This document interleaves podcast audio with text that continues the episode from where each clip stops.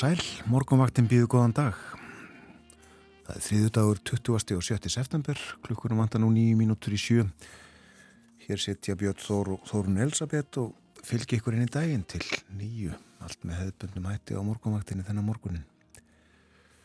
Og við hugum að veðrinu nokkuð kvast, uh, allra síðst og allra nýst og vestast. Og uh, svo sem strekkingur í Vestubæði Reykjavíkur í morgun líka og svolítil rigning þegar við vorum á ferðinni. En 11 steg að hiti í Reykjavík, skíjað og vindur að jafnaði 5 metrar á sekundu. Blés af norðaustan. 7 steg að hiti á Kvanneri, 9 gráður í Stikisholmi, allskíjað þar og norðaustan 8, talsvert kvassara í mestu kviðum. Nýjustega hitti á Patricksfyrði og 12 metrar og fór í 20. 7 gráður í Bólungavík, norðaustan 14, 23 metrar í mestu kviðu. Og hvast líka á Holmavík, 18 metrar norðaustan, 23 metrar í mestu kviðu. 8 stega hitti. 9 gráður á Blönduósi, vindur þar hægari en á vestfjörðunum, en 17 metrar við söðanisvita. 60 að hiti 60 að hiti á Akureyri og nánast lokn og lítilsáttar súld þar fyrir 50 mínútum. Sjögráður á Húsavík sjögráður líka á Rauvarhöfn austan 8 og sjöstega hiti á Skeltingstöðum og á Egilstöðum vindræðin þarum slóðir. Svona öðru hverju megin við 10 metra á sekundu það var skíjað á Egilstöðum nýjustega hiti á höfni Hortnafyrði og 8 gráður á Kvískerjum nýju stig á Kirkjubæðaklaustri, tíu stig á Stórhæða í Vestmannegjum, austan 17 þar og 23 mestu kviðu, nýju stig á hiti og 11 metrar í Árnesi. Það er gul eða gular viðvarnir í kortunum. Já, hafa tekið gildi, tóku gildi klukkan 6, gular viðvarnir bæði á Breiðafyrði og Vestfjörðum vegna norðaustan kvassviðris norðaustan 13 til 20 metrar á sekundu með mjög kvössum vindkviðum engum við fjöll og ryggning á köplum. Varasamt er fyrir aukutæki sem taka svo mikinn vind að vera á ferðinni og fólk er hvað til að sína aðgátt og ganga frá lausum munum. Viðvörunin gildir til klukkan hálf tólf í kvöld á báðum þessum svæðum og eh, til viðbótar við það þá hefur verið vara við aukinni skreðuhættu á ströndum á Flategarskaga og Nýrst á Tröllaskaga. Það er uh, töluverð úrkoma í kortunum um, í dag mest en líka eitthvað framöftir vikunni og uh, jarðvegur viða rakur á norðanverðurlandinu eftir regninguna í byrjun síðustu viku segir í uh, umfjöldunum þetta og vef veðstofunar og sem fyrir segir Eh, varað við aukinni skriðu hættu og líka vatnavöxtum á þessum slóðum. En veður horfinnar eru þannig annars að eh, það er austan og norðaustan átt í dag 8 til 15 metrar á sekundu en sem fyrir segir kvassara um landið norðvestanvert. Regning með köplum víða um land og hitin 5 til 12 stík það verður hlýjast á söðurlandi. Það dregur svo úr vindi á morgun, eh, þó má enn búast við strekkingi eða jafnvel allkvössum vindi á norðvestanverðurlandinu. Og það dregur úr úrkomu, en samt einhverjar vætu að gæta og venda í flestum landslutum. Það snýst svo til norðlægari áttar á fymtudag með lítilsáttarregningu í norðausturfjörðungi landsins og þá byrtir upp sunnan og vestan til. Og svo segir í hjólaðingu veðafræðings að hitatölur þókist við þegar að svalara loft berst yfir með norðanáttinni. Þess að þetta kólna. Já. Áhuga fólkum stjórnmál tók sjálfsagt gleði sína á nýji gerðkvöldi þegar Silfrið hóf göngur sína í sjónvarpinu eftir leifi, nokkuð langt sumarleifi. Verður eftirleiðis á mándaskvöldum eftir fréttinnar klukkan tíu. Katrín Jakobsdóttir fósættirsráð þegar var gestur Bergstein Sigurssonar í þættinu í gæri og talaði meðal annars um uh, málefni fólks sem er með uh, þannig lán að vextinnir munu hækka innan fára mánuða og uh, Katrín segir bankana þurfa að vera hluta lausnarinnar í efnaðasmálum.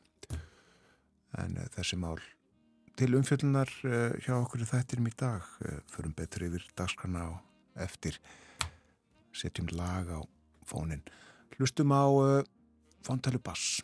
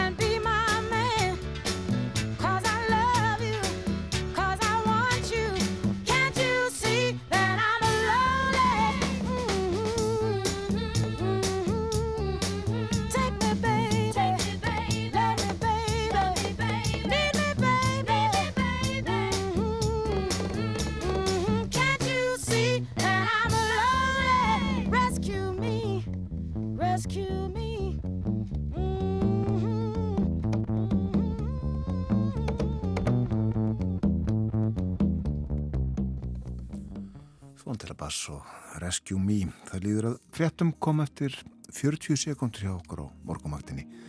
Við förum yfir dagskrá þáttarins strax að fréttum loknum.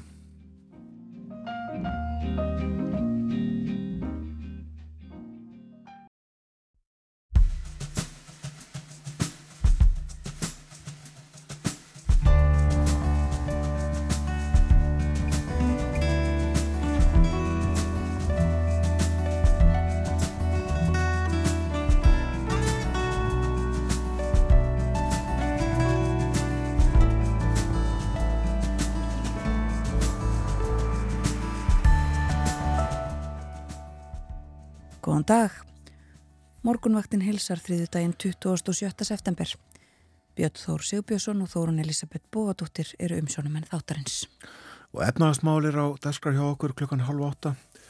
Þá blöðum við í nýri skýslu Sælabankans um fjármála stöðuleika. Gerum það með Þóriðsna Júliu sinni.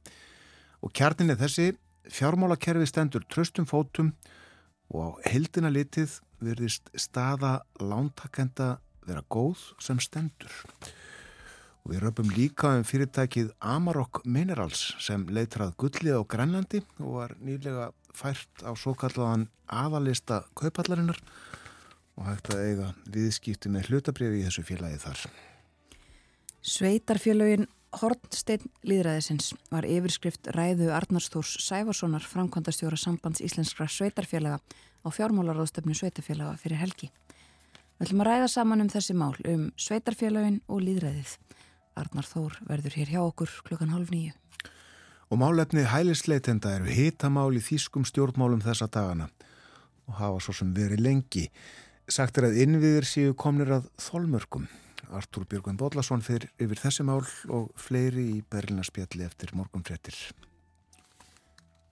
Brynjur Þór fór yfir veður horfurnar eh, í frettatímanum rétt áðan en rétt kannski að minna á bara að það er gul viðvörun í gildi vegna veðurs á breyðafyrði og vestfjörðum og viðvörun uh, aukin skriðuhætta og vatnavextir á ströndum, flategarskaga og nýrst á tröllaskaga.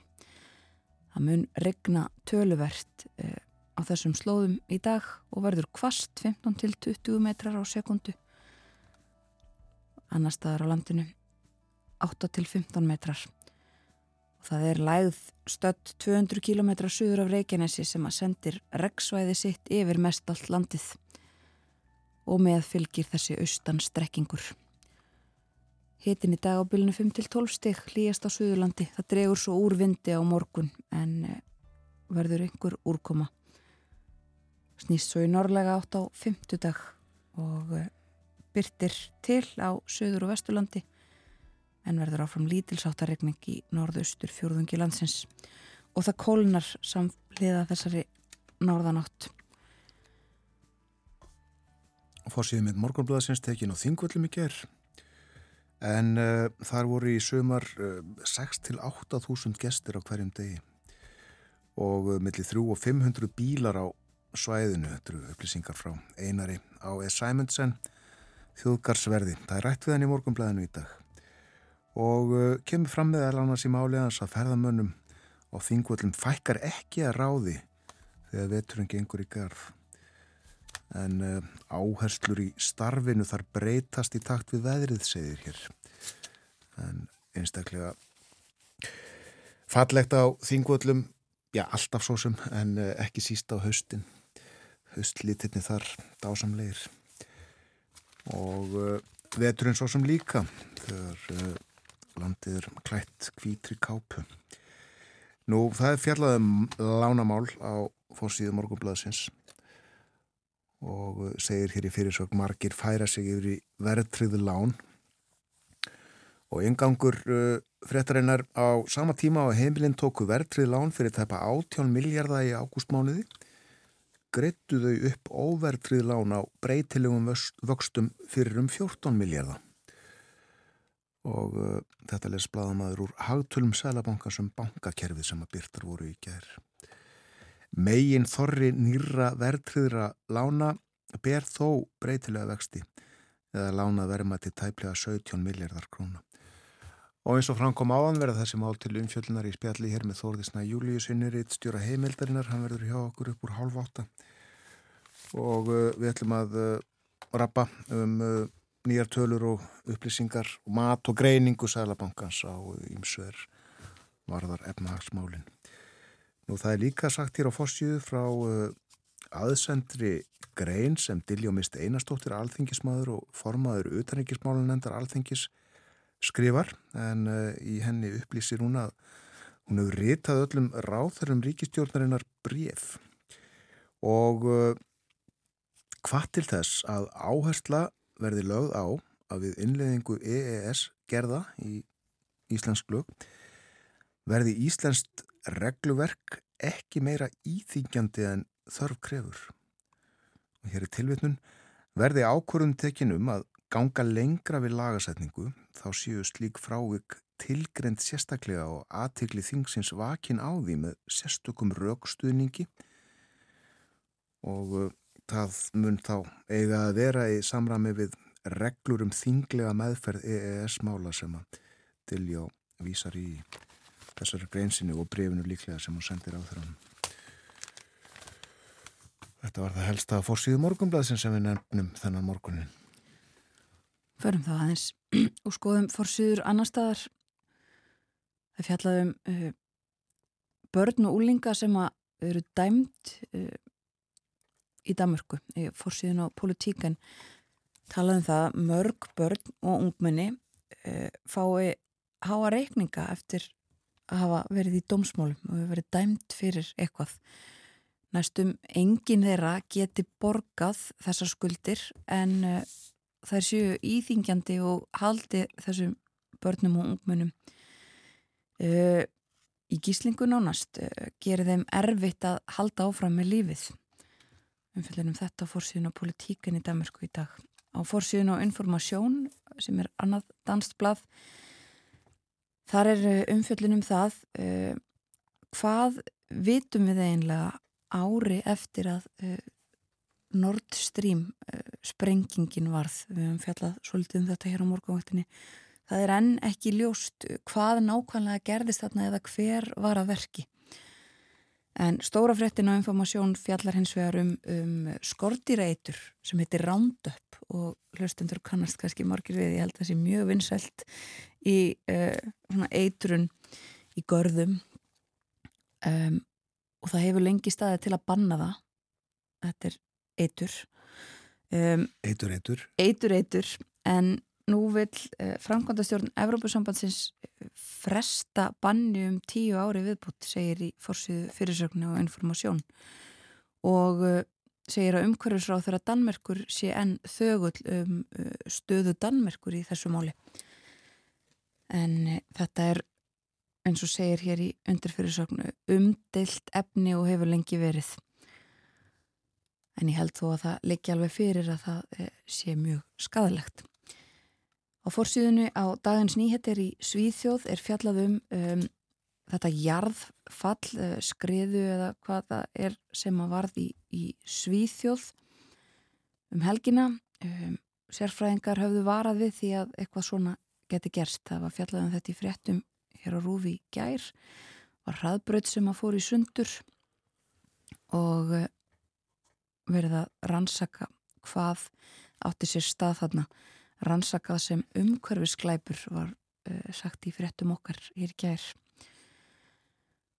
Í bandarískum fjölmjölum er uh, fjallað um uh, Finnland. Á fórsíðinu á New York Times talað um stöðu Finnlands í NATO í Allandskapsbandalæginu og sagt að Finnar hafi komist að því að það sé flókið að vera meðlemur í Allandskapsbandalæginu sé verið að finna út úr uh, fjármálum og svona flóknum uh, leiðum Allandshafsbandalagsins. Þetta var allt sem var gerst hrætt og uh, fólk kannski ekki alveg átt að segja á um, svona hinnum flóknari eða smarri hlutum í þessu öllu saman. Um, eins og það er ekki verið að fjallum þetta í finnskum fjölmjölum. Þar er Ímislegt annað uh, meðal annars til umfyllunar það að uh, það er útlitt fyrir að síðustu dagar septembermánaðar verði óvinnilega hlýjir í Finnlandi. Uh, það verði hlýtt síðustu dagana og fyrstu dagana í oktober. Það er fórsýðu efni á einhverjum fórsýðana í Finnlandi. Sömulegðis áform stjórnvalda í vinnumarkasmálum segir í samantækt á VF Íle finska ríkisútursins að það séu uppi áformum að veikja réttindi um, fólks á vinnumarkaði og uh, það hafi vakið um, þau við bröð sem að búist hafi verið við uh, verkalýsreifingin hafi bóðað mótmæli. Uh, það byrja mótmæli í dag hefist í norðurluta Finnlands og er ætlað að neyða stjórnvölda samningaborðinu um þessi mál. Og uh, rétt að lokum til Breitlands, uh, þar hefur verið fjallað í og með um uh, grínistan skemmtikraftin fyrirverandi Russell Brand sem að um, fjölmarkar konur hafa sagað um, um kynferðisbrott, sagt frá því núna á fjölmörgum fórsíðana að það sé verið að rannsaka enn frekari ásakanir á hendur honum. Hann var vinsæl útvars og sjómasmaður og skemmtikraftur, um, hefur nú dreyið sér í hlið síðustu árin og einbett sér að því að vera á uh, YouTube held ég með, uh, og svona byggt upp mikinn hóp fólks þar en uh, nú á yfir hafið sér þessar miklu ásakanir og mikil umfyllinu þetta í, breskum fjölmjölum undanfarnar daga.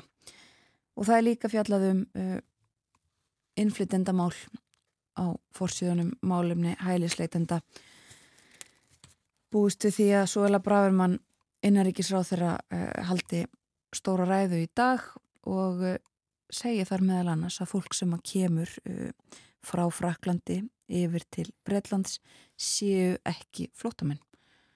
Fólk sem að kemur á bátum þarna yfir uh, eigi ekki lengur að koma fram við eins og sagt, sem flótamenn. Hún muni halda því fram í ræðusunni að um, hælis lög og, og reglur alþjóðlegar séu að búa til fáránlegar og, og, og eða fáránlegt og ósjálfbært kerfi og það séu allt of mikill kvati til þess að uh, fara uh, ólöglega á milli landa. Þetta muni vera um, til umræðu í Breitlandi í dag. Og minnum við á að uh, sambarlega mál í Þýskalandi verður til uppfjöldunar í Berlina spjallu okkar með Artúri Björgunni Bóllasinni eftir morgun flertnar klukkan 8 innflýtendamálinn þar. En uh, á nokkuð óvandar fréttinari gæra af uh, þessum áformum uh, á Littlarhaunni þá að rýfa fangelsisbyggingarnar þar flestar, kannski húsið sem að Guðjón Samúðilsson teknaði 1920 um fái að standa en byggja nýtt fangelsi og það á ekki að heita Littlarhund. En þar, sem sagt, tók fangelsi til starfa 1929 og það var sagt frá því að aðdragandanum í tímanum á sínum tíma. Vinnuhælið við Erabakka sem mun framvegis verða að kalla Littlarhund tekur til starfa núna á næstunni, sagði í frétt tímans Fostjóri hefur verið ráðinn Sigurður Heiðdal. Og um hann sagði Hann er þekktum aður, hann er að dómi kunnur að manna mjög vel fallin til starfsins, mannúðarmadur, vel mentur og hefur sem sagnaskáld lagt sig eftir að skilja sálarlíf manna. Hefur hann og farið utan til þess að kynast skipulagi og rekstri samskonar stopnana Erlendis. Og uh, það var farið yfir þetta í fréttunum eftir að eh, bladamönnum og fleirum hafi verið bóðið eh, þarna til þess að kynna sér starfseminna sem fyrir hugðu var og framkoma að húsið á Littlarhönni var upphaflega reist sem sjúkrahús erbekkinga var það fullgert að veggjum, milligerðum og komið undir þak er getu þraut að halda áfram byggingunni Síðan stóð húsi þannig ónotað og ónotæft um nokkur ár. Uns landstjórnin kefti það ásamt jörðinni litlarhaunni til þess að koma þarna upp viðunandi fangelsi og vinnuhæli fyrir landið. Gerði landstjórnin þeim mestu reyfar að kaupa húsinu, saði líka. Og uh, svo að sagt frá uh, húsinu sjálfu uh, og hvernig það var skipulat allt saman kom líka fram að eh, húsi það er raflýst, miðstöðvar hitað og með vassleðslu úr brunni er vatninu dælt upp á efsta loft og leitt þaðan um húsið. Allt er húsið vandað, sólrikt og með stórum glukkum eins og gefur að skilja það sem það var öndverðilega reist sem sjúkrahús. Mjög rammar skorður eru reistar gegn brottlaupi fangana með járn grindum fyrir dyrum og glöggum og með tröstum hurðum og læsingum.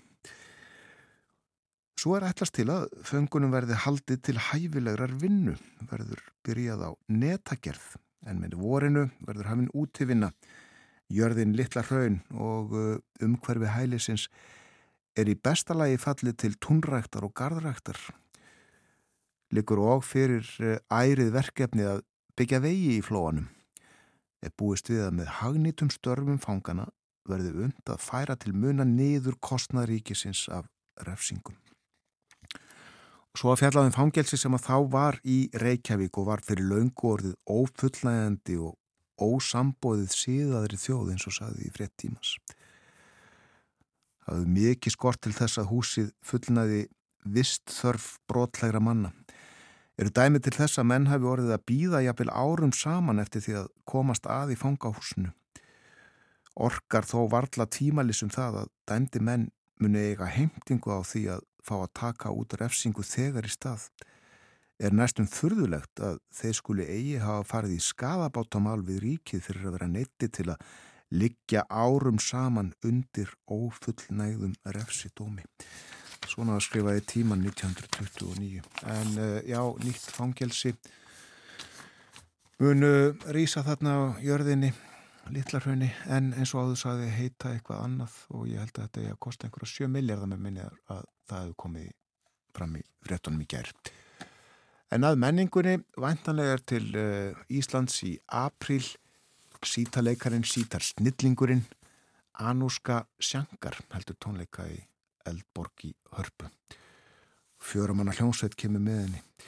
En uh, Anúska Sjankar lærði að spila á sítar hjá föðu sínum hennum Virta Ravi Sjankar þegar hún var aðeins átt ára og uh, hefur hlotið ótal verðlun og viðkenningar fyrir sítarleiksinn síðan. Og hún leikur einmist ein eða, eða með eigin hljónsveit og, og uh, þá sína tónlist eða ef að segja hefðbundna sítartónlist. En hún hefur líka spilað með uh, öðrum uh, desaranum Herbie Hancock og uh, pop og rockurunum Lenny Kravitz, Patti Smith og Sting og við skulum hlusta á hana. Hér og nú leika með Sting lægið The Book of My Life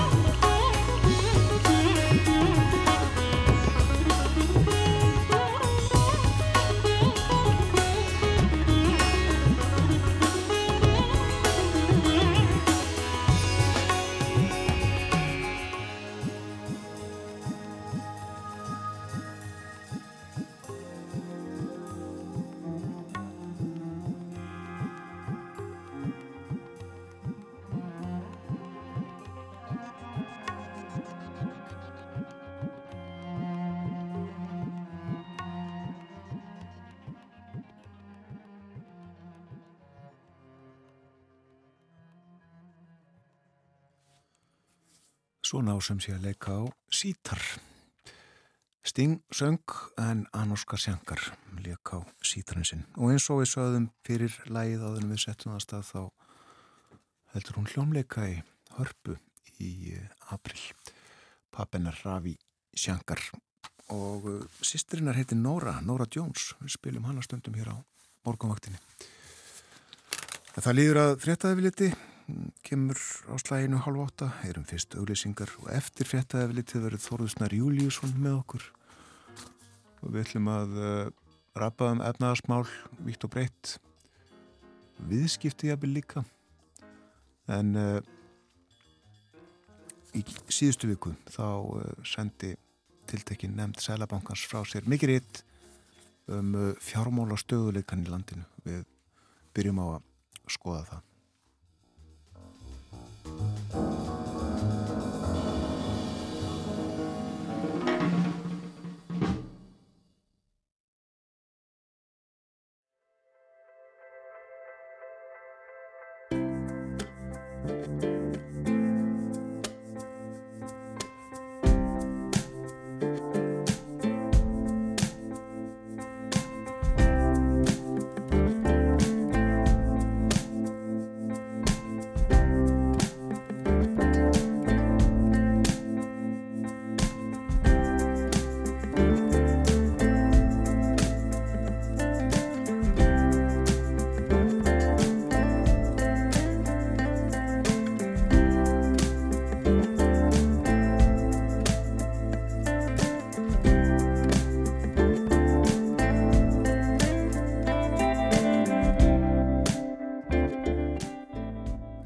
Þetta er morgunvaktin á Rás 1, klukkan réttliðlega hálf átta.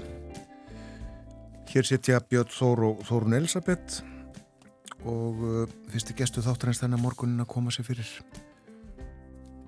Það er þriðu dagur í dag, 27. september og uh, guðlar viðvaranir í kortunum.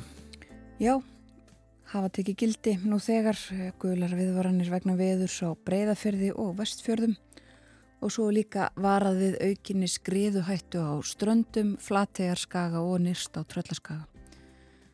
Það er lægð eh, 200 km suður af Reykjanesi sem að sendir reksvæði sitt yfir mest allt landið og meðfylgir austan strekkingur.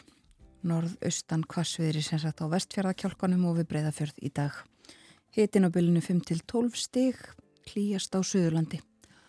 Og það dregur úr vindi á morgun þó má enn búast við strekkingi eða jafnvel allkvössum vindi á norðvestanverðu landinu. Og það dregur einnig úr úrkomu en einhverjar vætu er þó að vænta í flestum landslutum. Það snýst svo til norðlagrar vindáttar með lítilsáttar regningu í norðaustur fjórðungi landsins á fymtudag. þá byrtir til á söður og vesturlandi og hitatölunar þær þokast niður á við þegar svalara loft berst yfir með norðanáttinni. Áfram svo norðanátt á föstudag. Og um næstu helgi austlæg átt með regningu en þurft fyrir norðan þá og hiti svipaður og næstu daga. Frá tveimur stigum og upp í kannski tíu, níu, tíu. Og þannig verður það líka á sunnudag. Minnum á að Artur Björgum Bóllarsson verði með okkur eftir Berlínar spjall eftir morgunfrettir og uh, hann ætlar að segja okkur meðal annars frá umræðum og umfjöllun í Þýskalandi um innflýtendamál eru til þar í landi eins og svo víða annar staðar sem að uh, telja og uh, segja. Innviðir eru komnir að þolmörkum. Artur Björgum fer yfir þessa umræðu í Þýskalandi með okkur á eftir. Og uh, við ætlum við líka að reyma okkur hlaupaskóna segir svona Berlínar marathoni fór fram um helgina tók margir þátt og uh, menning líka já, efniskrafni hjá okkur svo verður hér hálf uh, nýju Arnar Þór Sæfarsson, framkvæmdastjóri sambands íslenskra sveitafélaga hann flutti ræðu á fjármálaráðstefnu sveitafélagana fyrir helgi var haldin á 15. og 1. dag og uh, yfirskipt ræðunar var sveitafélag Hornsteinn líðræðisins. Við ætlum að tala um sveitafélugin og líðræðið á eftir.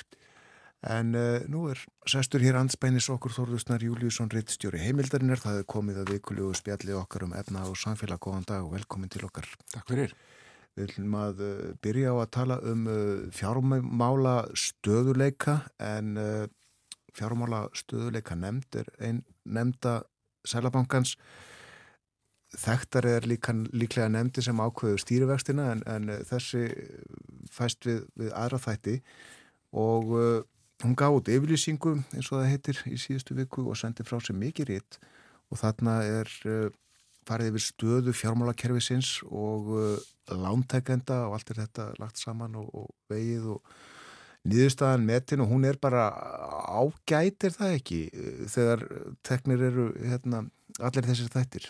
Jú, þetta má kannski líka uh, þessu fjármálastöðuleika riti við niðurstöðu þess að, að svona hagkerfi okkar fari í lækniskoðun og læknirinn yfirfer hagkerfið og, hérna, og alla starfsemi lífara og, og hérna hvort að, að, að hagkerfi sé með kvefi eða hérna hvort að sé í toppmálum og, og skila síðan svona niðurstöðu og greiningu á því hvernig staðan heilt yfir er. Út, svona að fara í, í, í, í svona heildræna lækniskoðun til þess að hérna, svona, taka punktstöðu. Og jú, niðurstaðan er auðvitað það að svona heilt yfir þá er margt sem er í, lægi, það er hægvöxtur auðvitað í Íslandi og, og, og það er meðal annars vegna þess að við erum hann hefur drifin áfram af enganislu fjölgun íbúa hefur verið að drífa hann áfram. Fjölgað íbúum mikið til þess að vinna í, í útlutningsgreinum okkar sérstaklega að ferða þjónustu en hafvastaspátnar eru að vestna og spár benda til þess að það drægi úr hafvexti á setni hluta þess ás og á því næsta eins fyrðulegt og það er þá er þá getist tíðindi að mörguleiti þá, er, þá eru tæki seglabankan sem hinn nefndin, peningastefnunen sem ákveða vextina á það þau eru aðeins að býta uh, og það sést meðal annars á þessu. Það er, hefur verið of mikil eftirspurn í kerfinu. Uh, það hefur verið uh, vélarnar hafi verið kerðar á of miklum hraða. Og, og tilgangur vaksta hækkanna er það að taka í handbrössuna og hæja eins á Þetta er líka byrst í lækandi eignaverði. Það er mjög aðdeglisvert að, hérna, að Sælabanki framkvömmir eh, greiningapróf eh, til þess að, svona, að sjá hvort að það séu bólur í, í eignaverði og, og hér um tölvert skeið var sannlega bóla á, á fasteinnamarkaði. Það er hækkaði íbúðaverðum 20% á skömmum tíma Uh, með tilherrandi markháttuðum afleggingum þetta fólk uh, núna telur sig eiga margt hvert uh, mikla eign í húsnæðinu sinu en nú er þetta farið að lækka um rúmlega 5% á milli ára í raunleikun sem er dálaglega raunleikun og það má alveg búast við því að, að svo lækun með stöðun á íbúðumarkaði að hún muni halda áfram. Það er erfitt fyrir marga að komast uh, í lán uh, lán þegar skilirinn hafa verið hert mikil og, og vextir eru þetta mjög háir. Þannig að hérna, það er svona uh, fyrirsjánlegt að, hérna, að, að, frekalir leiðrétting geti átt til stað á eignaverðu og hún er þegar líka verið þessi stað einhver leiti í hlutabröfum sem eru svona þessi tveir flokkar sem hækkuðu mikið hérna, vegna og í kjölfar COVID aðgerna, efnaðsaðgerna í COVID. Þannig að hérna Þetta er svona kannski stóra staðan, svo er farið yfir uh, íbúðamarkaðin í uh, heild, þar er hérna, þetta, sko, frambóð íbúða hefur aukist, sölutíminn hefur lengst, velta dreif saman, þetta er allt á eina leið. Uh, og það er mikill viðsnúningu frá því sem var uh, og það er svona einhverju leiti má segja að þetta sé kannski orðið daldið uh, hættulegt ástand vegna þess að uh, það kemur fram í fjármálustöðuleika að staða hérna verktaka eða byggingageirans hún sé aðeins að vestna, skuldir hans er að snar hækka, hækkum 68 miljardar síðasta árið og það getur skila sér í því að, að, að þau siti, byggingageri siti uppi með íbúðir sem þau get ekki selt en eru samt að borga mjög háa vexti uh, af þessum íbúðum sem þau eru búin á fjármagnar sem fyrir og hérna vextin er eins og segi, menna óvertri vextir er nefnir 10-11% uh, og uh, þá geta þær ekki farið í næsta verkefni. Og þar með getur komið tregða svona í í, í framkvæmdarliðina. Þetta hljóma svolítið undarlega vegna þess að það vantar auðvitað íbúðir er það þá að því að uh, fólk er kannski ekki til þess að borga það verð sem að verktakarnir þurfa að fá eða telja sér þurfa að fá. Já, fólk getur ekki borga það verð í mörgum tilfellum sem eru sett á íbúðunar eða tristi sér ekki til þess að fara inn og íbúða markað akkurat núna. Það er augljóstu öllum tölum að það er miklu minni eftir spurn, tekur miklu lengri tíma að selja íbúðir og svo framvegis. Og uh, ef að verktakarnir halda á miklu magna íbúðum þá liggur það alveg hlutanis eðli að uh, á meðan þeir geta ekki seltær þá geta þeir ekki farið í næsta verkinni og það er svona sem einhverjir hafa líst yfir áhugjur af því að það lífyrirsjóðir og bankar og, og, og fjárfestar og alls konar geta borgað fyrir uppbyggingu íbúa en það byggið það enginn nema verktakar. Þú þarft að hafa einhverja kunnóttum en með, með hamar og sög til þess að geta hérna, eh, komið steipukumböldunum eh, upp úr jörðinni Já. og e, þetta, þú veist, gæti orðið vandamál. Við séð núna bara mjög nýlega að, hérna, að fjárfæstingafélag á sér tækifæri í þessu skél, fjárfæstingafélag keifti til að mynda umtalsveit magna af íbúðum sem voru óseldar í vogabið tugi íbúða með magnafslætti uh, og það uh, er staða sem sennilega aðri fjárfæstar munu uh, nýta sér í nánustu framtíði. Aðeins áfram með þessa skýslu, uh, sko, uh, frétta tilkynningin hefst á þessum orðum. Fjármálakerfi hér á landi stendur tröstum fótum. Þetta er fínt. Svo er farið yfir eigin fjár og lausafjórstöðu þess að kalla þeir eru kerfislega mikilvægi bankar og svo staða er sterk. Og uh, það kemur líka fram vanskil útlána eru lítil og á heldina litið virðist staða lántakenda að vera góð. En þar eru blikur á lofti og uh, það er einmitt farið yfir það, uh, segir álagspróf benda til að bankandi búi yfir góðum viðnámsþrótti til að styðja við heimili og fyrirtæki ef þörf krefur og uh, nefndin, fjármála stöðuleika nefnd, hún brínir fyrir lánveitendum að huga að þingri greiðslupið í lántakenda þannig að sælabankin að segja við bankana hjálpiði fólki. Já, nú skulum við reyna að lesa þessar viðfyrirtir sem varst að fara yfir. Eh, það er þannig að kemur fram í fjármálstöðuleika reytinu að eh, heimil eru farin að, mörg heimil eru farin að ganga á spartnað og draga úr nestlu til þess að forðast greiðsluðarfiðleika og vanskil. Og það þýðir svona mannamáli að það er sigla alveg í íslenskum heimilum. Mörg eða kannski hafa borð fyrir báru til þess að, hérna, að takast á við aukna greiðslubyrði uh, en fólk er að forðast það í lengstu lög, eðlilega, að lenda í vanskilum. Uh, það er algjörlega síðasta úrraði að, að borga ekki af húsnæðinu sínu. Fólk gerir alls konar aðlaganir í sínu lífi. Það þýðir ekki að það sé ekki erfileikar til staðar, að þetta sé ekki flókin staða. Sælabankin hefur verið að brína fyrir fólki að grípa til aðgerða ef að uh, mánaleg greiðslubyrði fari yfir 35% af uh, ráðstöðumdegjum og Uh, svona til að setja það í samengi þá uh, er sko greiðslubyrði talin ósjálfbær ef hún fer yfir 40% þannig að það sé nálagt þeim marki.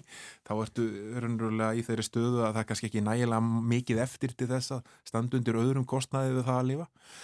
Og uh, auðvitað er staðan ástæðan fyrir því að það verið að svona að vara við er að greiðslubyrði hefur hækka gríðarlega, við erum búin að fara yfir það margóft á þessu vettvangi og þetta er svona eitt, það, það sem er rætt mest um bara held í íslensku samfélagi.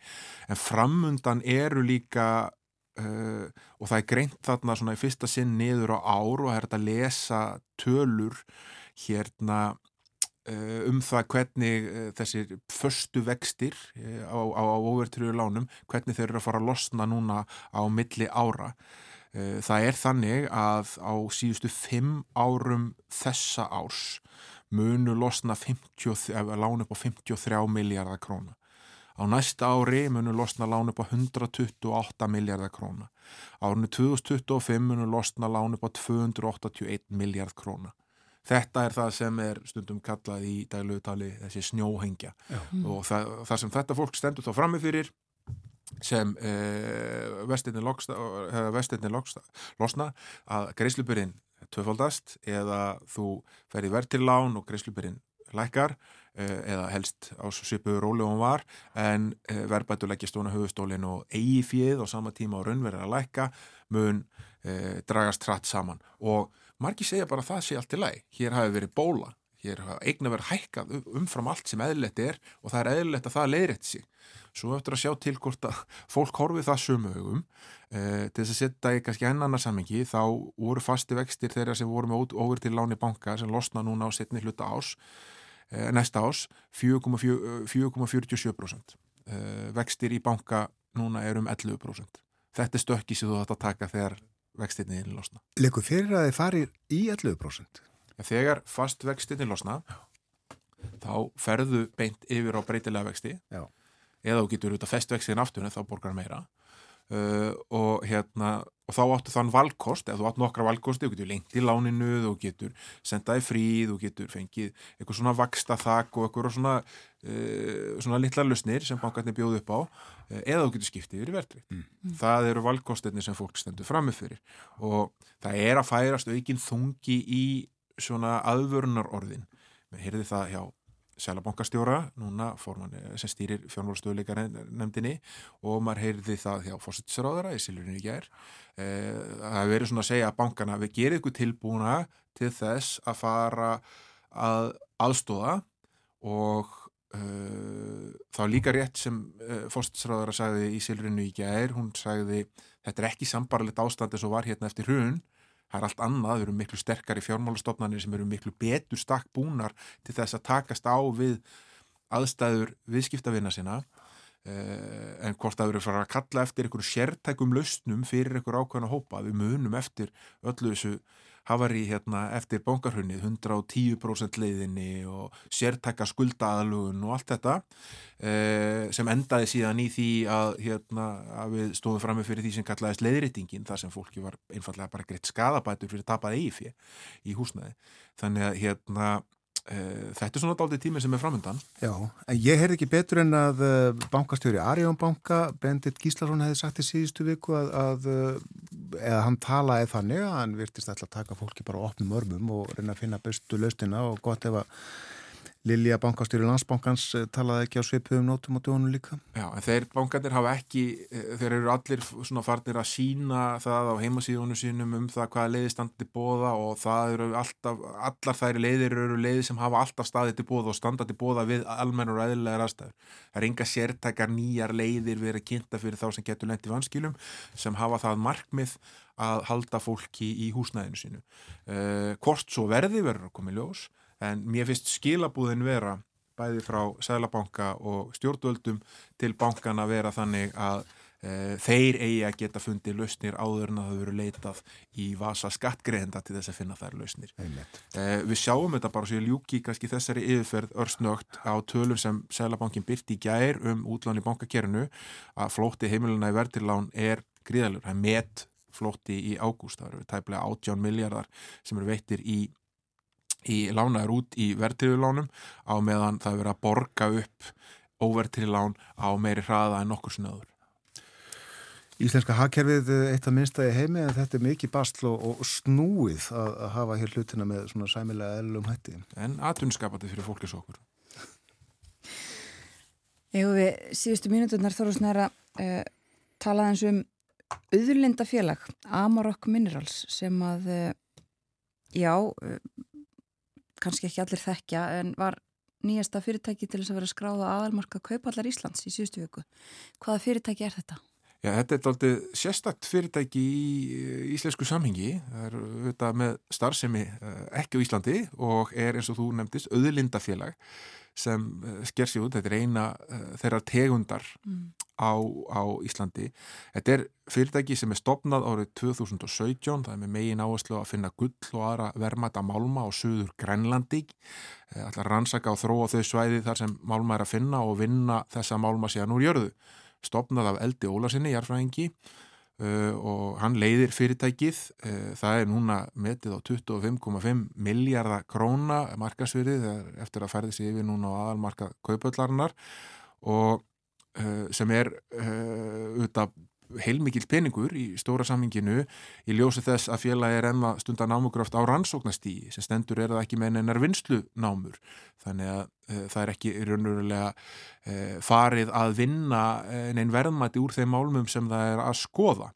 Og enda kemur það fram meðal annars í, í, í, í skráningar uh, skráningarkynningunni á félaginu að hér er um að ræða út ákvæmna spákaup mennsku það er að segja hérna, að- fjárfesta í svona fyrirtæki það er allir fyrirvara settir í, skráningarlýsingu.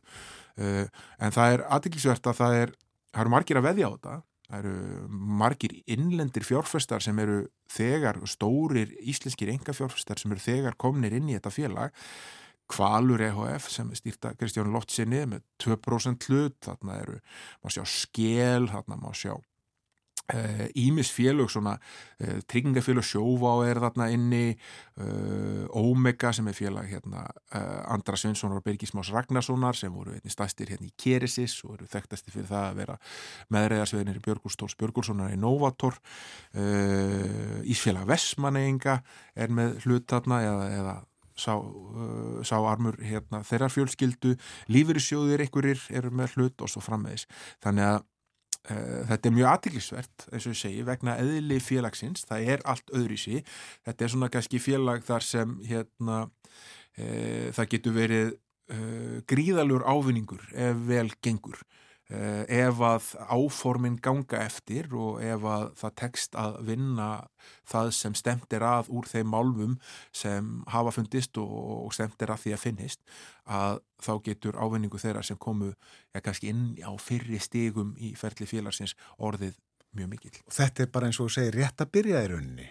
Já, ég meina að stopna 2017, ég held að hérna að auðlinda geirinn svona námugröftur og annað slíkt, þetta er langtíma mál, þetta er ekki eitthvað sem þú uh, gerir innan ás eða innan fimm ára uh, þannig að á sex árum er orðið til fyrirtæki sem er núna verðmetið í kaupöld íslenska aðalmarkaði við 25 miljardar króna Já. þannig að hérna, eitthvað er það í áformunum sem eldur og hans fólk hefur verið að kynna fyrir fjárföstum sem gerir það að verkum að þeir eru tilbúinir að taka þátt í þessari aukverð. Já. En uh, sko, að því þú nefndi þetta mitt, þetta er fyrirtæki sem er ekki beinleins í rekstri á Íslandi. Hvað, hvers vegna er það á íslenska hlutabriðamarkaðinum? Það er vegna þess að stofnendur eru Íslendingar og, Já, það er hérna, og það eru auðvitað engin, engin hlutabræðamarkar beinlinis í Grænlandi þótt að hann getur þá alltaf verið í Danmörku eh, en hérna fjármagnir sótt hingað Mhm. þetta eru aðeinar sem eru umfóksmiklir á íslenskum uh, hlutabræðamarkaði og heilt yfir held ég að það verður nú seint slag, samt sagt slæmt að fá meiri fjölbreytni í flóru fyrirtækja sem eru á íslensku hlutabræðamarka. Það eru alltaf áhætt af fjárfestegi hlutabröðum, fjárfestar eh, bera þá áhættu en það að fá annars eðlis fyrirtæki og jafnvel fyrirtæki sem eru um starfsemi í, í öðrum löndum og innvönungu starfsemi í öðrum löndum eins og þetta, það getur uh, valla talist annað en gott svo við séum ekki hérna bara með 80-90% eitthvað þjónustu fyrirtæki sem selja okkur vöru og þjónustu sko. Íslandingar lengi sótt uh, gull í Greiparæi sem nú á að sækja það í grænlenska jörð. Er áhugavert að fylgjast með þessu. Þakka þið fyrir að vera með okkur í dag, Þórðusnar Júliusson. Takk. Það líður á frettunum, kom eftir 7 mínútur, klukkunum vantað sem sagt 7 mínútur í 8. Og eftir frettir þá ringjum við til Þýskalands til Berlínar, þar er Artur Björgum Bóllarsson. Já, og Artur Björgvin ætlar í dag að ræða við okkur um þýsk stjórnmál og svona þjóðfélags umræðu. Það er mikið talað um málefni innflytjanda og hælisleitenda í Þýskalandi, rétt eins og víðar í Evrópu þessa dagana. Deltum þessi mál í þinginu meðal annars og hann segir okkur frá því. Egu ekki að eh, nefna það þá líka að eh, Ísland og Þýskaland eigast við í knaspillunansleiki dag. Jú, uh, íslenska kvennalandsliðið í knaspinu mætt til Þýskalands. Þær hafa verið í Dusseldorf síðustu daga en í dag fer fram landsleikur í Bokkum uh, hann verður klukkan kortir yfir fjögur, setnipartin í dag betni útsendingu á Rúf þetta er uh, þjóðadeildin. Íslensku stelpunar unnu Veils á förstu daginn og uh, mæta nú þeim þýsku. Uh, Ísland og Þýskaland hafa mæst 16 sinnum í landsleik. Ísland hefur unnið eitthleik Þýskaland 15 Já. en eini sigur Íslands kom í undankeppninni fyrir HM 2019 þá vann liðið frækin 3-2 sigur í Þýskalandi. Þýskaland lengi verið í fremstu röð. Já, sannlega Svo minni ég á að eh, klukkan hálf nýju þá verður með okkur eh, Arnar Þór Sæfason, frangatastjóri sambands íslenskra sveitafélaga, uh, svo gott sem nýtekin við því starfi. Og uh, hann flutti ræðu á fjármálarásnefnu sveitafélagana fyrir helgi. Yfirskrift hennar var sveitafélag Hornstedt Lýðræðisins og uh, þetta er um fjölunaröfni í spjallið okkar á eftir. Sveitafélagin og Lýðræðið.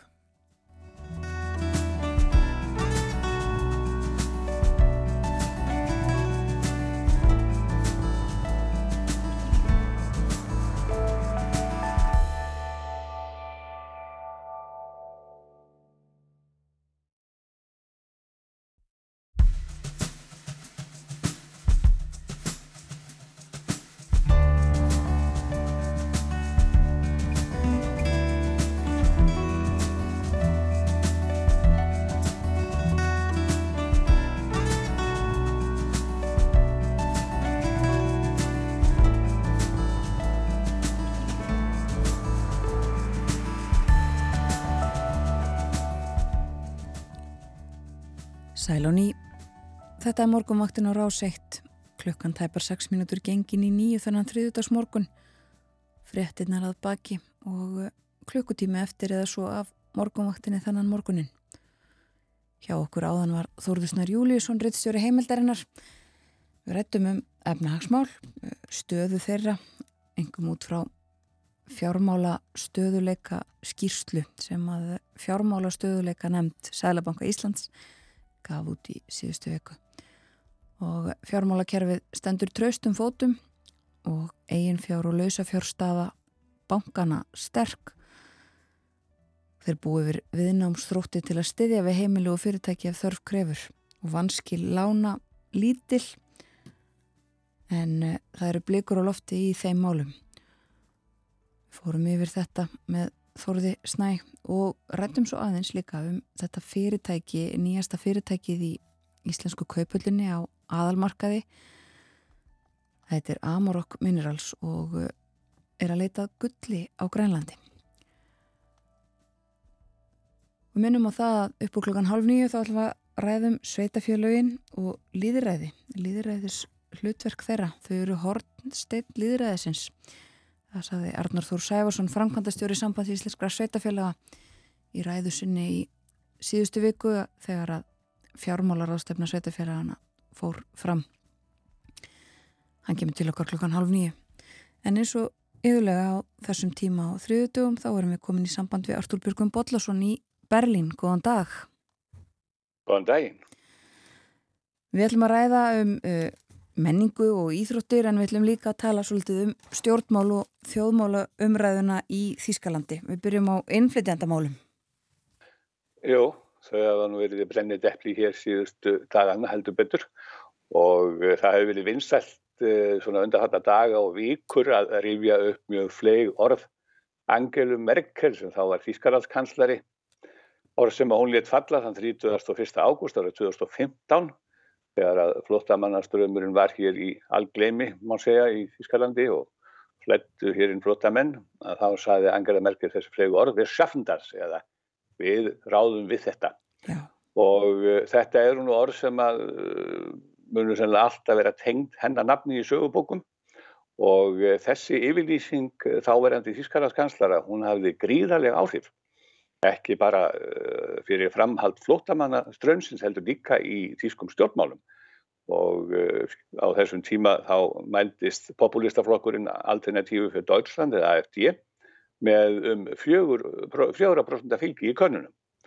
Og uh, það má hins vegar segja að þessi opnun Þýskalands fyrir flótafólki sem að Merkel í rauninni bóðaði með þessum orðum sínum hafi verið uh, mesti byrinn sem að Alternatífu fyrir Deutschland gætt fengið í seglinn og, uh, og kom fulltrúum hans, þessi byr kom nú fulltrúum hans ekki bara á Þýska þingið heldur gerði hann á næstu árum að öflur í pólitískri hreyfingu sem að nú nýtur jafnvel meira fylgis en aðri flokkar í östur hér auðvitað Þýskalands. Uh, en eftir sagt mikið met ár í, í flottamanna tölum hér þegar að 2015 til 2016 þegar það er miljón flottamanna sótið um pólitísk þæli hér í Þýskalandi þá mingaði nú þessi ströymur flottamanna tölvöld næstu árin. En síðustu ár hefur svo hælisleitundum alltaf fjölgati mikill að muna, ekki síst vegna margum reddar innrásar rússa í Úkæinu. Og uh, bara flottamenn frá Úkæinu eru nú konur vel yfir eina miljón. Og við þann mikla fjölda hefur svo bæ- bætast svo 20.000 hælisleitenda frá Sýrlandi. Ég skist að það hefur verið 820.000 á síðasta ári og Afganistan eitthvað á 52.000 og frá Tyrklandi.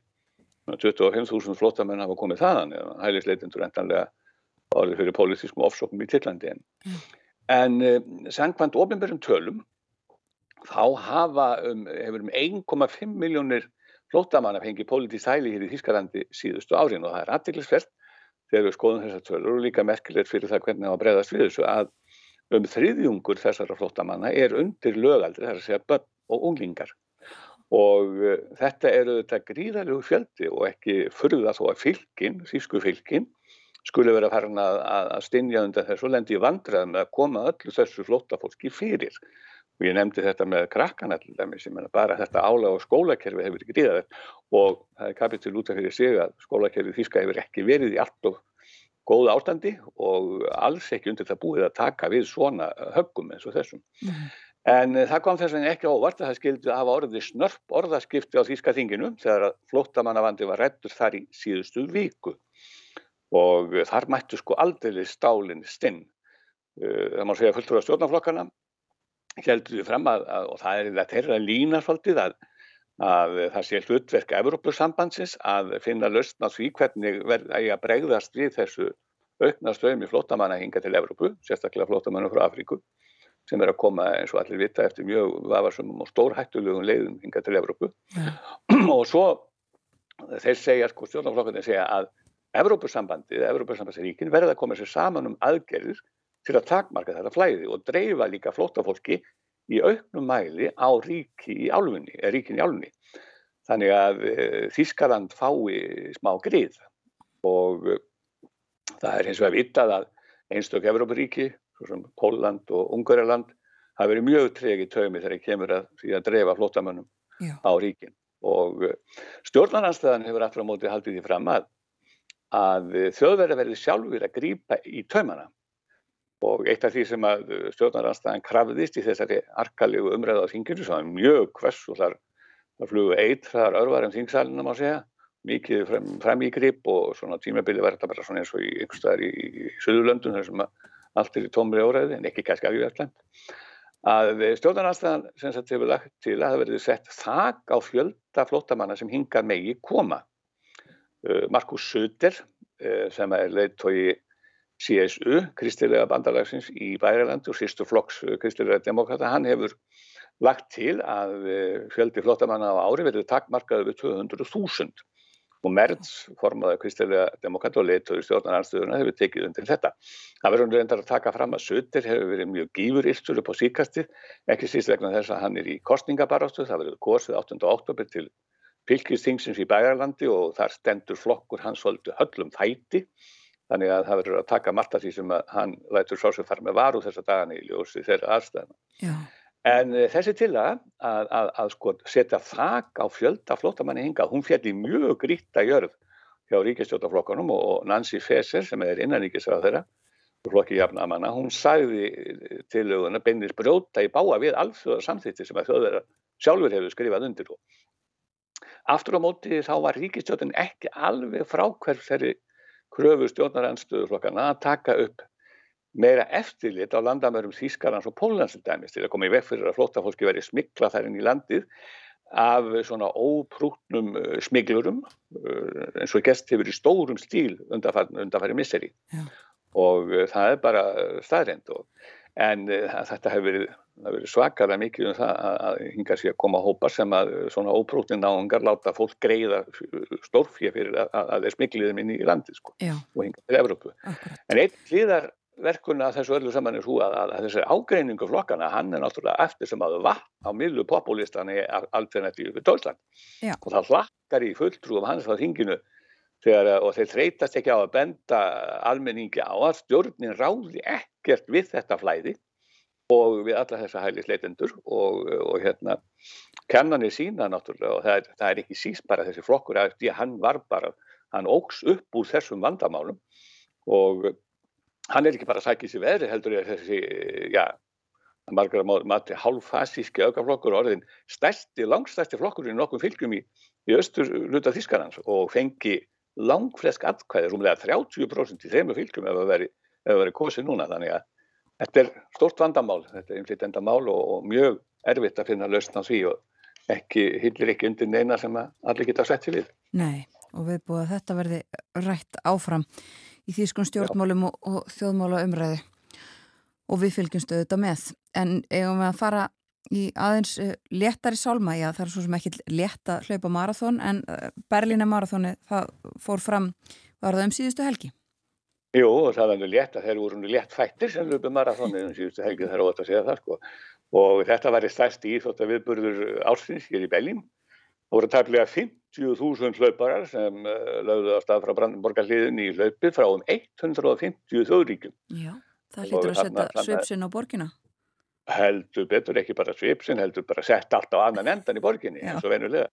Og það var alveg, sko, það var nú búið að vara mjög mikið við þessu öll umferð um göttur, göttur þetta riðilegðist og það var mjög erfitt að koma að sleiða sinni um borgina og maður bara held sig svolítið til þér eins og sagt er því að Uh, en, uh, já, en sem sagt neðar að þetta gengur nú, þannig að fólk farið á milli borgar hluta og, og það var mjög gaman að fylgjast með því hvað þetta var skrautlegur hópur sem þarna var á ferðinni uh, því að uh, sko fyrir utan svona þáttakendur sem voru mjög einarðir á svipun og greinilega ákveðnir í að hlaupa til þess bara að vera með að ljúka þessum rúmlega 42 kilometrum á sem allra skemmstum tíma til að bara fagna sjálfum sér og, með því að þá voru það líka innan um allskins furðufuglar í mjög skrautlegum búningum. Það voru þarna einhvern með kórónur og einn var nótið dæmis með, með svona höfubúna sem var bara, var bara eftir ynga Brandenborgarliðun á haustnum og herðunum. Og þarna voru sem sagt eh, þessir fuglar sem voru bara fyrst og semst að, að- að bara að skemmta sjálfum sér og öðrum með, með trúlslátum og, og eh, en þetta og eitt, sem var kannski nefna eitt aðal dagblæði hér í Berlín sem heitir Tagesspiegel Það byrsti í gær, það fylgdi því í gær gríðarlega stór uh, marathónkálfur má segja og, og hérna í honum voru nöfn allra 50.000 hlauparana. Það er aldrei Og leys. Þetta var ekki á blað, þetta var svakalega, svakalega þykkt og mikið blað, þetta var bara eins og íslenska símarkáin horfum dag og uh, á þess að ég hafi nú lagst inn í henni vísindarlega rannsóknir á þessar óbáðslega uh, smáleitruðu upptalningu þá gæti ég nú ekki mig um að láta augun flökta yfir uh, nafnalistana og, og þá rak ég augun í það að eh, þessari mjög slægilegu aðtugun minni að, að það var slæðingur af Íslendingur sem tóku þátt í hlaupinu. Það voru þetta nokkur nöfn sem engin vafi var á að voru Íslendingar. Já, og uh, þó að engin landa okkar kæmist í fremstu röð, þá tók ég líka til því til þess að monta okkur af okkar þjóðirni sko hvað við erum anskoti, anskoti hérna duðlega hlaupa að, eh, og náttúrulega vanið því að stökkva yfir þúður og, og, og, og raun þannig að, að íslenski hlaupakarpar hlupu nokkur í þessa rúmu 40 km á innan við fjórum klukkutíma og það þykir bara í marathóninu mjög glæsilegur árangur. Og uh, sigurveðurinn kom reyndar alls ekki óvart því það var búið að spá því fyrir það að eins og fyrir ár, síðustu ár þá myndi Kenya maðurinn uh, Kipchoge, Eliot Kipchoge vinna og hann gerði það, stóð við það, hann var enn og aftur sigurvegar og hlaup, hlaup á, hlaup á tveimur mínútum og 2,42 tveimur klukkustundum og 2,42 mínútum. Og, eh, og en konan sem var fyrst í marki var Tatesa nokkuð takilega frá Eþjópíu en hún hljótt þessa rúmlega 42 km á tveimur mínútum á tveimur klukkustundum, þreimur mínútum og 24 sekundum sem að mun vera nýtt heimsmet í kvennaflokki og, og hérna það má nú kannski líka nefna að, að eh, síðasta kynnslöðin ætlaði sér að vera með eitthvað uppsteitt þarna og fara að líma sér við göttuna já, og þeir uh, smikluðu sér í svona vinnumannabúningum nokkrir í gegnum uh, rauður lauruglumanna þarna við Brandenborgarhlíði rétt áður en að, að hérna, borgarstjóri Belginar gaf merki, reyndar hann skaut ekki að byssu núna eins og venjulega því að það hefur alltaf verið gert því að til þess að sína svona samstöðu með og vegna Úkrænu strísins þá var ákveðið að nota annað merk, merki, svona flautu. En áður en að nýtt á flautuna sem að þá tókst laurugluna fjarlæga þessa óróa þeggi og, og þannig að þeir hafði engin áhrif á hlaupið og mér sé að var þetta sett heimsmynd þannig að það tröflaði ekki neitt en þetta var, var mikið um dýrðir og gríðarlega mikið söngur og gleði með fram göttunum þar sem að, þar sem að fólki hlaup, hljóp og það, þetta er svona meiri háttar úti hátum að segja gleði. já. Stemning í marathonhlaupum, við þekkjum það svo sem líka hér í Reykjavík. Ef hún ljúka spjall okkar í dag á, á menningunni, það er ekki bara, bara, ekki bara menning, nei ekki bara íþróttirnar heldur menningin líka sem að setja svo upp sín á Berlín.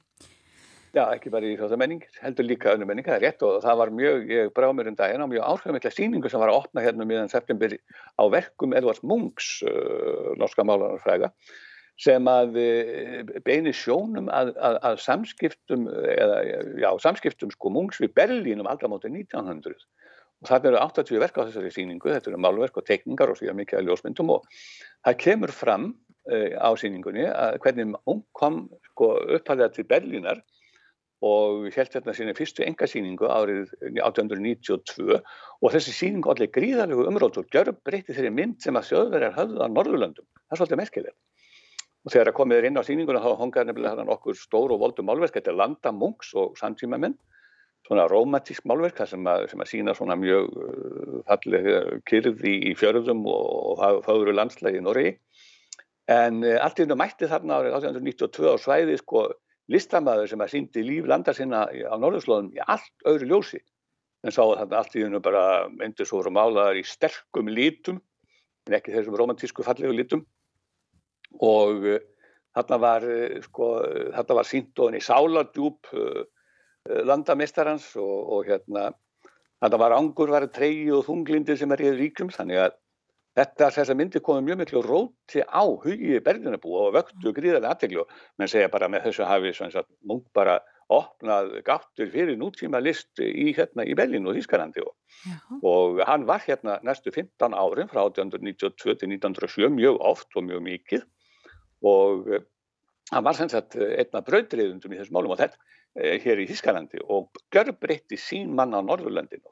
Það er kannski gaman að fara einhvern veginn út í það hvernig sín mann á Ísland var á þessum tíma því þá náttúrulega var það nonni sem var uh, aðal maðurinn hér í byrjun 20. aldarinnar og réðu öllum það, menn held að menn var alltaf að berjast við íspilni og, og huglinlít á Íslandi en allavega bursti frá þessari romantík að, að, að, að Munk sko gjörbreytti þessari romantísku sín á Norðurlöndinu og, og ég legg til að þeir sem koma hingað til Belginar á nestunni, og ekki bara á nestunni því að síningi stendur til 22. janúar á næsta ári að þeir fari í Berlínagaleríið og, og skoðu þetta því þetta er alveg einstaklega skemmtilegt sérstaklega fyrir okkur Norrlanda búa að sjá hvernig þessi frendi okkar tengdist listalífin í Berlín og hafi gríðarlega áhrif á það og breytta mynd af Norðurlunda.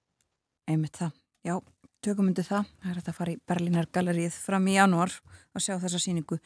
Kærar þakkir fyrir spjallið í dag, Artur Björgum Bóllarsson í Berlín. Takk sem er leiðis. ljómandi veður í Berlin.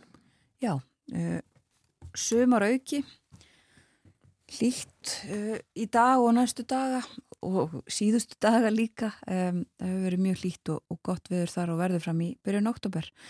Rétt eins og við nefndum snam í morgun að væri líka í Finnlandi og mér skilst bara víða um meginland Evrópu. Það er uh, gott veður. Óvinnilega gott. En uh, að veður horfunum hér lægð er stödd um 200 km suður að Reykjanesi sendir regn svæði sitt yfir mestallandið og því útlitt fyrir að víða verði regning með köplum í dag. Og uh, einnig austan strekkingur en norðaustan kvassviðri á vestfjara kjálkanum og við breyðafjörð og hitti í dag 5-12 stig hlýjast á Suðurlandi. Og gular viðvaranir í gildi fyrir uh, hlutalandsins uh, fyrir breyðafjörð og vestfjörði. Já, og líka varaði skriðuhættu á ströndum og tröllaskaga, flategarskaga og það tengist þessu. Gert ráð fyrir mikilli úrkomu ákjafð eins og það er stundum orðað uh, í dag, 27. september. Og uh, jarðvegurinn viðar akkur á norðanverðu landinu eftir regningu í síðustu viku og uh, þetta er allt saman metið og ákveðið að vara við vatnavöxtum og aukinni skriðuhættu á þessum slóðum. Næsti gæstu morgunvaktarinnar er Arnar Þór Sæfarsson, frænkvatastjóri sambands íslenskra sveitafélaga sem á fjármálaráðstefnu sambandsins fjallaði í síðustu viku um uh, sveitafélögin og líðræðið. Við ræðum þau mál hér eftir fréttaðið litið.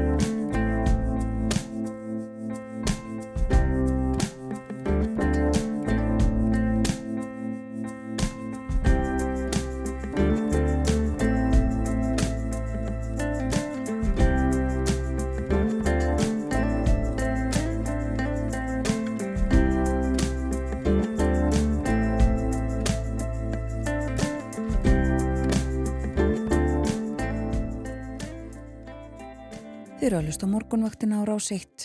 Klukkan orðin liðlega hálf nýju. Það er þriðið dagur í dag, 27. september. Og uh, það er haustlægð stödd suður á Reykjanesi sem að sendi regnsvæði yfir mest all landið í dag útlitt fyrir regningu með köplum víða. Og með fylgir austan strekkingur en norðaustan kvassviðri á vestfjörðakjálkanum og við breyðafjörð. Og vegna þess eru í gildi gular veður viðvarnir á þeim slóðum. Tóku gildi klukkan 6 í morgun og gilda e, til hálf 12 í kvöld. Það dregur úr vindinum á morgun en má búast við strekkingi eða jafnvel allkvössum vindi á norðvestanverðulandinu áfram. Það dregur líka úr úrkomi á morgun en einhverjar vætu er þó að vænta í flestum landslutum. Það byrtir til á Suður og Vesturlandi á 50 dag svo en heldur áfram að regna aðeins annar staðar. Við höfum rætt efnahagsmál og uh, þýskmálefni í þættinum í dag. Uh, Artur Björgum Bollarsson var með okkur hér fyrir frétta eflitið og fór yfir það sem efstur á bögi í Þýskalandi.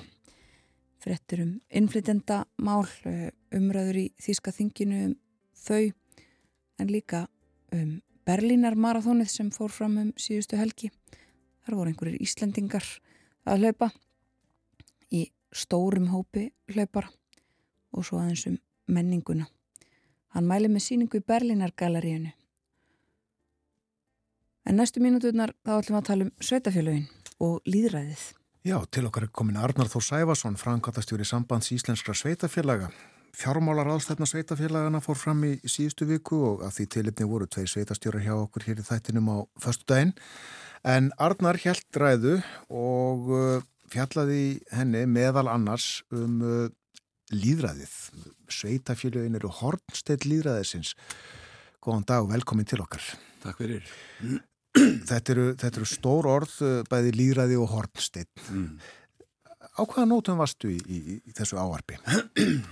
Eh, Það sem að, eh, sko, nú var þetta nú mín fyrsta fjálmarástöfna, það sem að ég hóst öður sem framkvæmstjóri í sambast íslenska sveitafélagi núna í vor og mér langaði aðeins að eh, koma inn á þetta og, eh, og bara vekja máls á þessu og, og vekja fólk líka til umhugsunar hjá kjörnum fulltrúum, eh, hjá sveitafélum, alland að, að, að þessu kjörnum fulltrúa þeir gegna líki hlutverki í náttúrulega í sínum nær sam samfélagi og, og, og þar að leiðandi eru í mjög miklu tengslu við líðræðið e, í landinu. Og, og ég gatt þess til, a, til að mynda í, í, í mínu ávarpi að e, sko við, við teljum okkur e, svona okkur finnst svona líðræði og þetta, þessi umgjör sem við höfum í okkar samfélagi vera mjög svona, svolítið, við gefum okkur þarna ymsa hluti. En þetta er ekki, ekki svona sjálfsagt og, og hérna og ég gatt þess til að mynda að svona mælingum að þá eru þá er 25% manki sem búa við það líraði sem viljum kenna okkur við í dag þannig að, þannig að ég var svona, svona brína, setja svona fólk að að, að hérna að, að, svona, að þau, þau gegna reysastóru hlutverki þegar kemur að þessu liðræði. Já, má ætla að þú hefur verið svona áminna fólk um það hvaðan vald þessi sprottið? Akkurat og hérna og þetta er náttúrulega bara í, í, í mínu huga er þetta gríðala mikilvægt og, og, og hérna og er unni vandasamt hlutverk og, bara gott að bara minna okkur á hvað við hvað hérna, hvað, að, að við líka, að okkur ber að vanda til verka þegar kemur að líðræðinu. Við erum að vanda alltaf orðræðu og, og, og hvernig við, við nálgumst þetta hlutverk okkar. Já, já, þú sagðir einmitt, við þurfum að rökraða hlutina, við þurfum að hlusta á aðra og enda, endum þetta ímislegt og mm. ekki fara fram með yfirgangi og hróka Mm -hmm.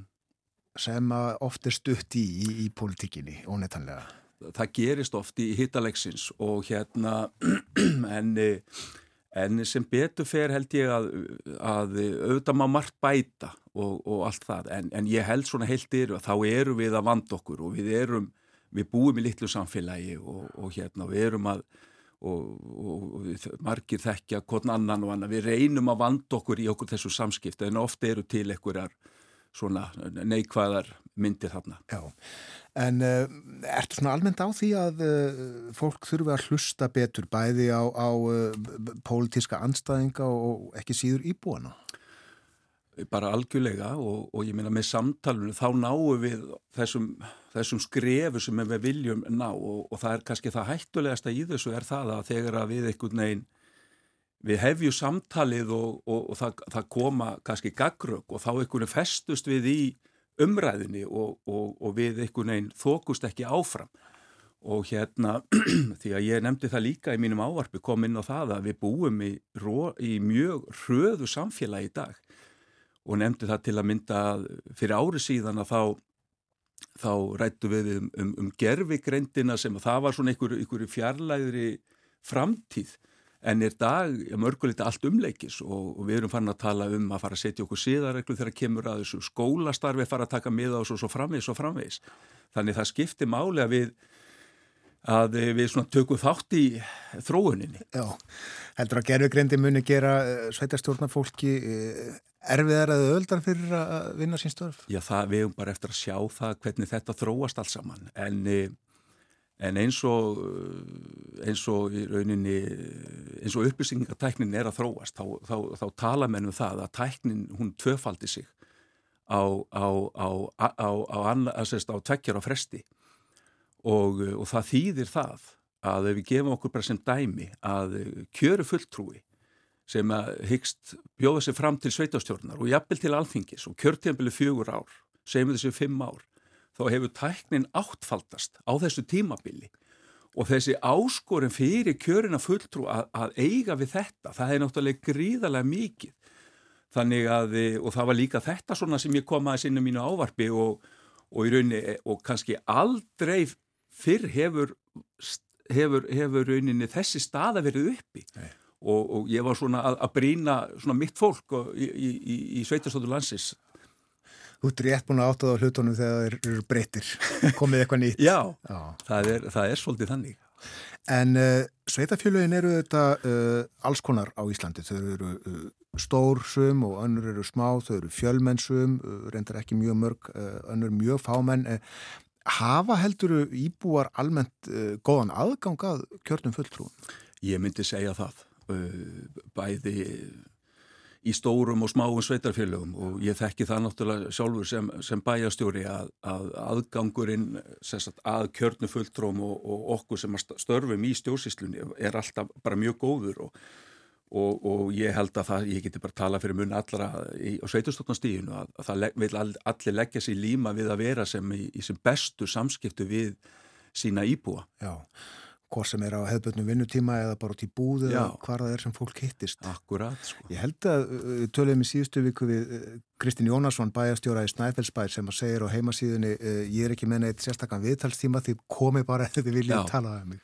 Já, já, þetta er, það, það er mjög fallegt við þetta og, og hérna og síðan hefur maður líka heyrt dæmi um það að, að, að margir hérna bæjastjóra, þeir, þeir leggja sér bara í líma við það að vera uh, út á feltinu með fólkinu og, og hérna og, og sem er bara mjög gott og, hérna og ég held að þetta sé hérna, einmitt þetta sem ég nefndi með lýræði það þarna vera í sem bestu tengslu við fólki þannig að menn fái þetta strax fram í fingur góma hvernig, hvernig hjarta slær. Já, akkurat. En uh, mætti og ætti að- leita oftar eftir sjónamiðum íbúa til tiltekina málefna með einhverjum íbúakostningum?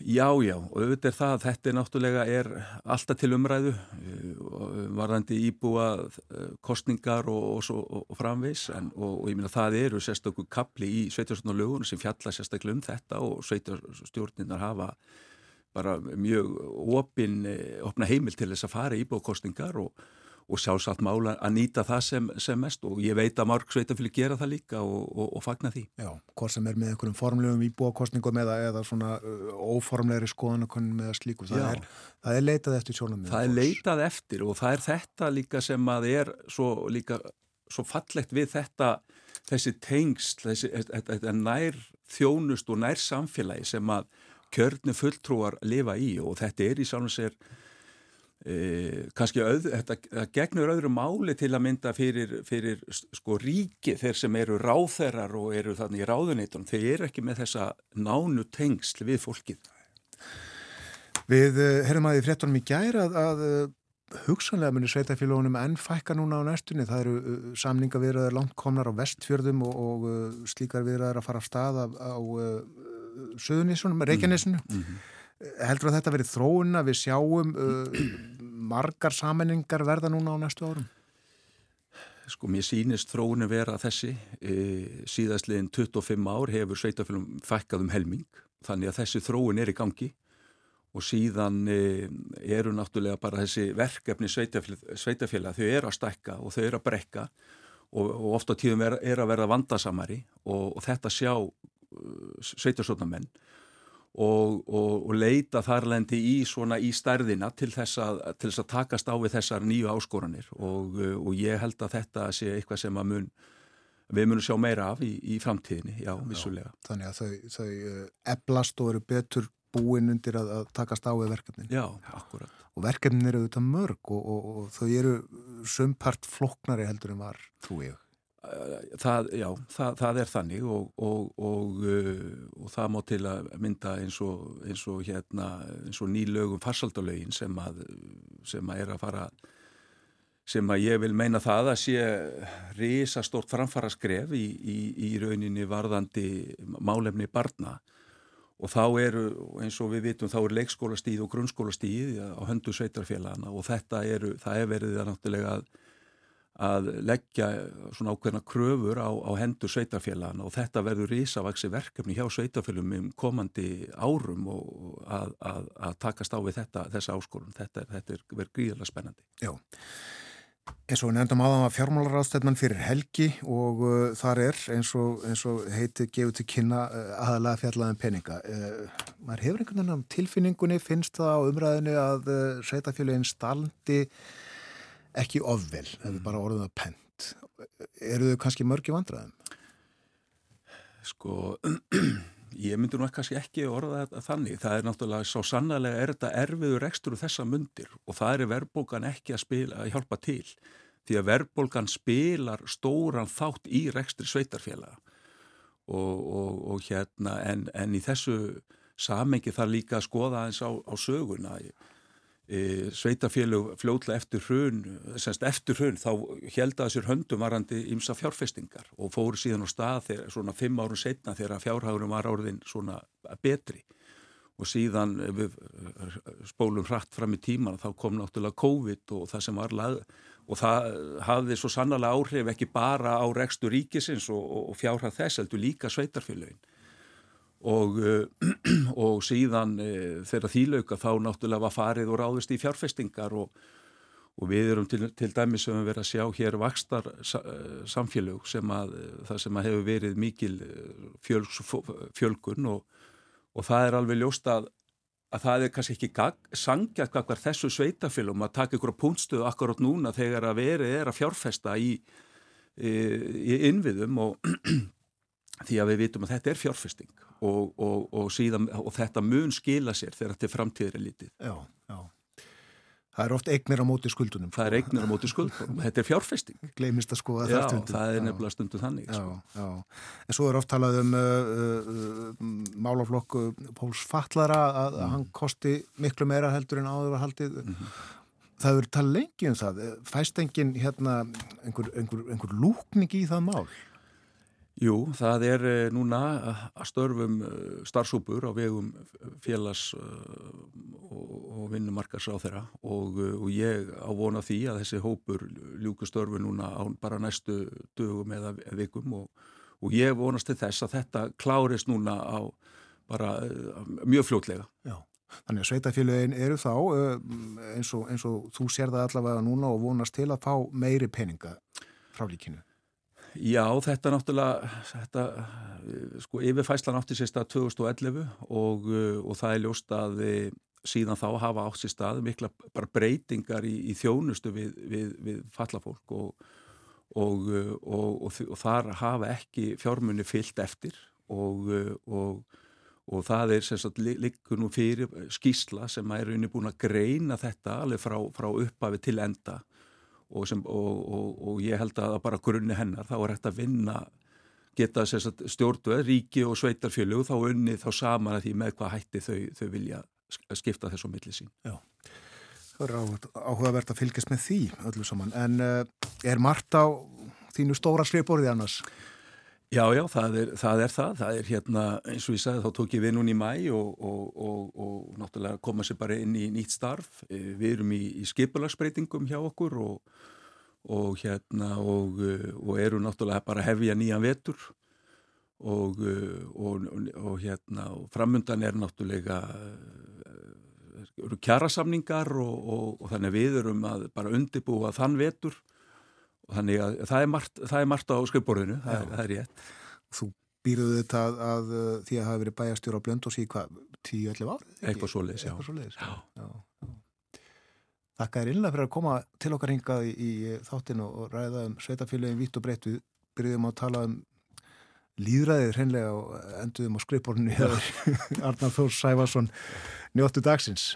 Takk fyrir, takk fyrir mig. Arnáþór, frangatastjóri sambands Íslenskra sveitafélaga, já við uh, hóum þetta á að vitna í, í uh, ræðu hans eða ávarp á fjármálarástöfnum sveitafélagan í síðustu viku.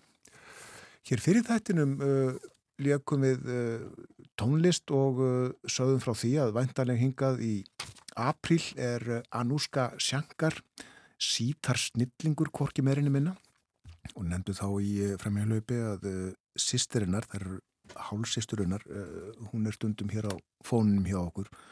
Við skulum hlusta hér næst á lag með henni uh, Nóra Jones og uh, hér er sungið um Sunrise,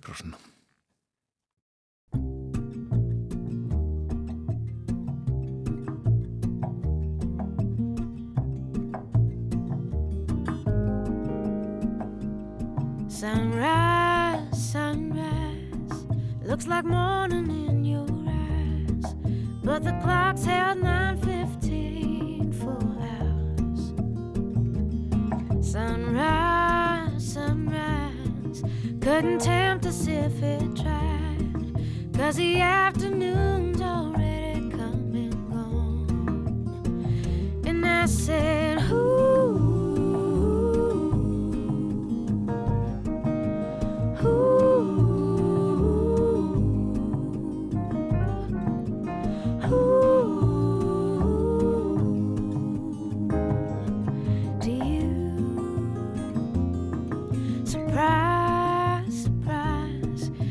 Find it in your eyes, but I'm sure it's written all over my face. Surprise, surprise, never something I could hide. When I see we made it through another day, then I say,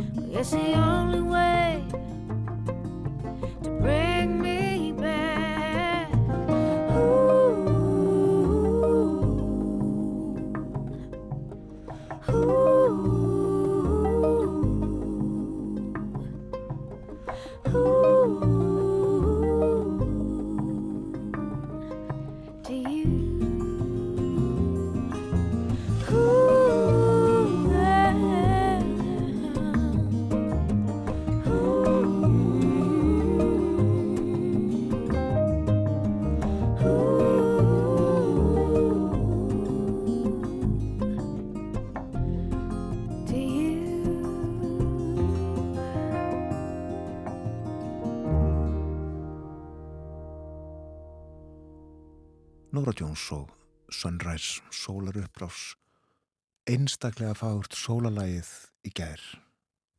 Og uh, þeir sem að mistu af þeir ætta geta fundið myndir á samfélagsmiðlum. Já, vinsælt að smetla af. Þegar eitthvað fallegt er, tala nú ekki um á himni. Já, ef það er ekki sólalægið þá er það norðljósin. og byrta, já, akkurat. Við rættum í gærum samgöngumál um uh, ferðavenjur reykvíkinga svona sérstaklega, uh, það voru byrtar tölur úr ferðavenju könnun. Hún er gerð á landsvísu og var byrt og, og unnið upp úr henni fyrir helgi í tengslum við Evrópska samgönguviku. Og á föstu daginn síðasta þá var bíllösi dagurinn. Við myndumst á það hér í uh, viðtali okkar við samgöngustjóra Reykjavíkur að við vissum ekki hvernig ár, hver, hver áhrifin hefðu verið af uh, þessu Morgunblæði hafði rætt við uh, framkvæmdastjóra Strætó sem að uh, sagði færri enga bíla á göttunum og, og vakstjórar hefðu orðið svona varir við það og uh, það hefði verið margir sem að nýttu sér það að það var frýtt í Strætó. Um, nú hefur mbl.is skoða mælingar frá vegagerðinni og það kemur ljós að bílusi dagurinn, síðasta förstu dag, var bæði umferðar þingsti förstu dagur mánaðarins og umferðar þingsti dagur vikunar á höfuborgarsæðinu. Hvað segir? Og uh, já, um, það fóru 17.547 bílar um geitháls þar sem að mælingar vegagerðarinnar eru á bílusa daginn sjálfan til samanburðar að þá voru þeir fyrsta fyrstudag mánadarins 15.937. Það tala við G. Pétur Mattíasson sem er upplýsingufulltrúi vegarrarinnar og hann segir að þetta ekki koma óvart. Það sé ekki óvanalegt að umferðin breytist lítið á bílusutægin. Dagurinn hafi ekki slegið mjög mikið í gegn á Íslandi en hann segist bjart síðan á að einn daginn muni bílusutægurinn skila árangri. En hvenar hann kemur, já hann spáir einhver fyrir hann það. Nei, er þó uh, aðeins einhver árangur eins og segir þessari frétt á ringveginum við Úlfarsfell. Þar kerðu 1500, rúmlega 1500 færri bílar á bílösu daginn heldur en förstu daginn þar á undan. Já, já. Núna er Evrósk íþróttavika, er það ekki? Jú, Við erum hvað, hvað til að reyfa okkur? já, tók við af samganguvekunni. Já. Þetta tengis nú, reyfingin og samgangunar. En uh, við höfum líka minnst á það að það er uh, þingfundur á alþengi í dag uh, og verður óundubúin fyrirspurnatími og svo lagt uh, rætt í fyrri umræðu þingsáletuna til að innviða ráþæra um málefnum sveitfélagana. Já, stefnumótandi áætlun í málefnum sveitafélaga fyrir eh, 2024 til 2038. Já. 14 ára plan. og líka aðgerða áallin fyrir árin 2024 til 2028. Það var að hugsa fram í tíman. Og ímislegt annað á dagskrá. Svo hugsa ég að það sé nú líklega fundur í borgarstjórn líka, því við höfum nú verið að ræðum sveitafélögin í dag. Sveimir þá ekki ríkistjórnir líka. Akkurat. Ekki að gera hjá stjórnmálamönnum. En þættinum er lokið morgunvaktinni klukkan alveg að verða nýju, vantar uh, fimm mínútur. Höfum setið hér síðan fyrir sjö í morgun, Björn Þór og Þórun Elisabeth verðum við þetta á okkar stað í fyrramáli bjóðan góðan dag þegar klökkunum vantar tímindur í sjö. Við þökkum samfélgina í dag, vonum að þið njóti dagsins. Verðið sæl.